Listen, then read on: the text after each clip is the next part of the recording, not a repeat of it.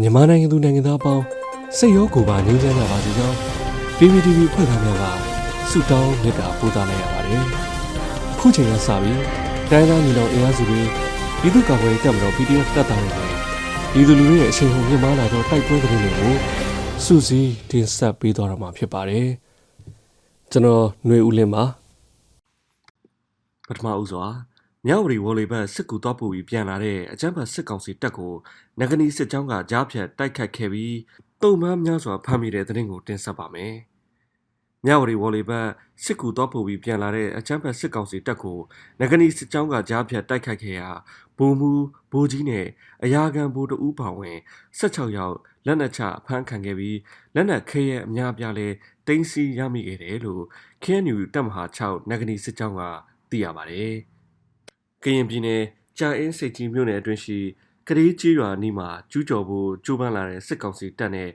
KNL နဂါးနီစစ်ကြောင်းပူးပေါင်းအဖွဲ့တို့ဟာအော်တိုဘာလ15ရက်နေ့ညနေ3နာရီကနေ6နာရီထိတစ်ချိန်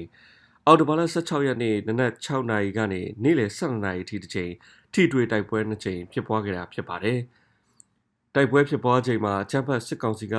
ကျိုင်းစိတ်ကြီးဗျူဟာကုန်းကနေ120မမနဲ့ဒရက်ဆက်ပစ်ကူပေးနေတဲ့အတွက် KNLA ငကနီစစ်ကြောင်းပူးပေါင်းတပ်ဖွဲ့ရဲ့ရဲဘော်တွေအနေနဲ့ခက်ခက်ခက်ခဲတိုက်ခိုက်ခဲ့ရတယ်လို့ဆိုပါတယ်။အဲဒီတိုက်ပွဲတွင်ဗုတ်ပြင်အခြေဆိုင်စကခ73လောက်ခန့်ခမရ358တပ်ရင်းက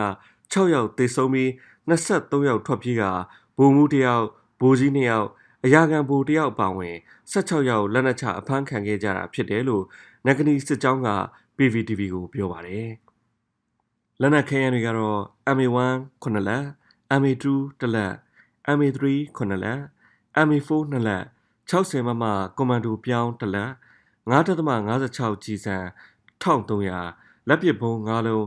ကပ္ပစထုတ်9မမပစ္စတိုတလက်60မမကြီးတလုံး RPG အသီး9လုံးကြည်ပေါက်အပူ28ခုစကားပြောဆက်3လုံး ဆက်သွယ်ရေးအထိုင်ဆက်တစ်လုံးနဲ့အခြားစစ်သုံးဆိုင်ရာဆက်ဆက်ပစ္စည်းတွေကိုတင်စီရမိတယ်လို့သိရပါတယ်။ဆက်လက်ပြီးနက်မောက်တွင်စစ်ကောင်စီတပ်နှင့်ဒေသကာကွယ်တပ်ဖွဲ့များကြားရင်းဆိုင်တိုက်ပွဲဖြစ်ပြီးစစ်ကောင်စီဘက်မှ၄ဦးသေဆုံးတနက်နှစ်လက်ရရှိတဲ့သတင်းကိုဆက်လက်တင်ဆက်မှာပါ။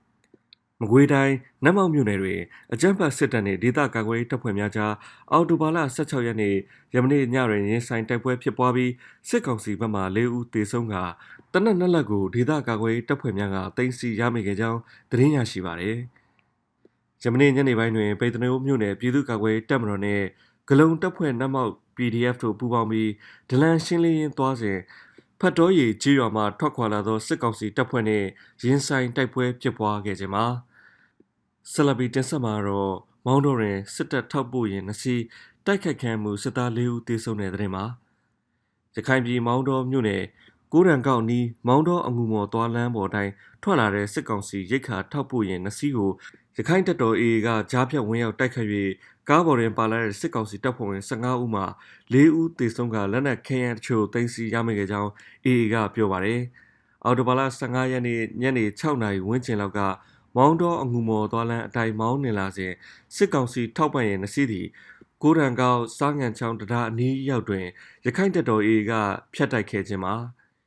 ရင်ကဲသို့ဖျက်တောက်တိုက်ခိုက်မှုကြောင့်ကားနှစ်စီးလုံးလုံးဝပျက်စီးသွားပြီးကားပေါ်တွင်ပါလာတဲ့စစ်ကောင်စီတပ်ဖွဲ့ဝင်15ဦးထဲမှ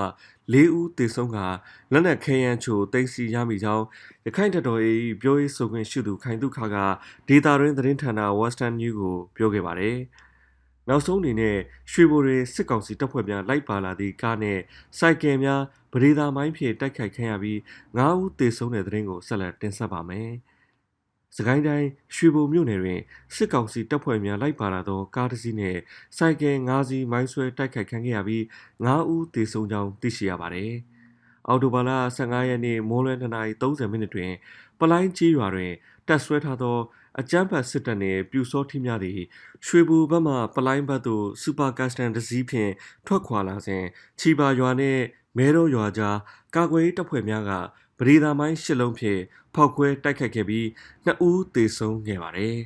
။အော်တိုဘာလ15ရက်နေ့ညနေ6:30မိနစ်တွင်ပလိုင်းရွာမှကွန်စိတ်ရွာသို့စိုက်ကယ်၅စီးဖြင့်ထွက်ခွာလာစဉ်ပရိသာမိုင်းရှစ်လုံးဖြင့် ထပ်မံတိုက်ခတ်ခဲ့ပြီးစစ်သားနဲ့ပြူစောထီ3ဦးသေဆုံးခဲ့ပြီး4ဦးထိခိုက်ဒဏ်ရာရရှိခဲ့ကြောင်းဒေသသတင်းရင်းမြစ်ရသိရပါတယ်ခင်ဗျာ။